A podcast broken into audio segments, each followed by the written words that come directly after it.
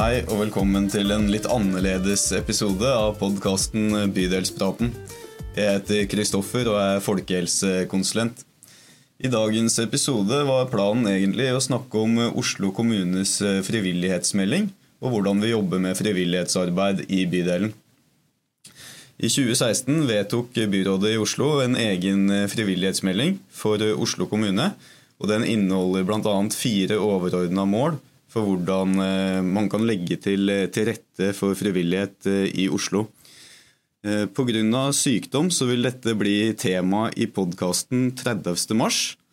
Men siden jeg først er her i studio, så har jeg lyst til å benytte anledningen til å fortelle om en ny tjeneste vi åpner for befolkningen i dag. Det er noe vi har valgt å kalle for aktivitetskafé. Og da lurer sikkert mange på hva er aktivitetskafé.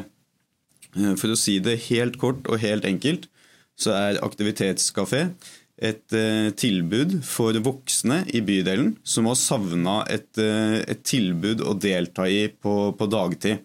Man kan på en måte si at det er en slags fritidsklubb for voksne. Og det vil skje hver onsdag fra og med i dag mellom klokka 11 og 2 på Lambertseter eh, fritidsklubb.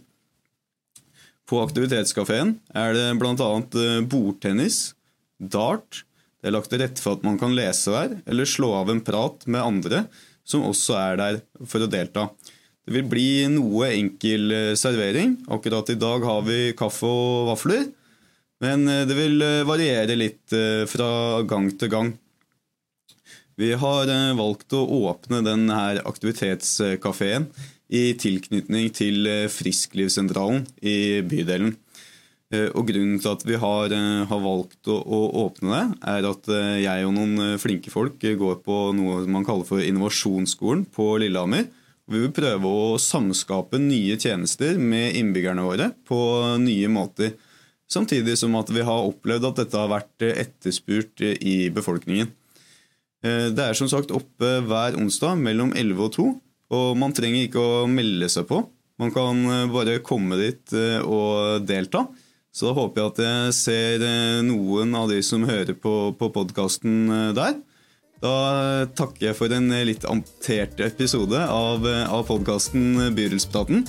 Vi er tilbake om to uker, og da skal vi snakke om Frisklivssentralen i bydelen.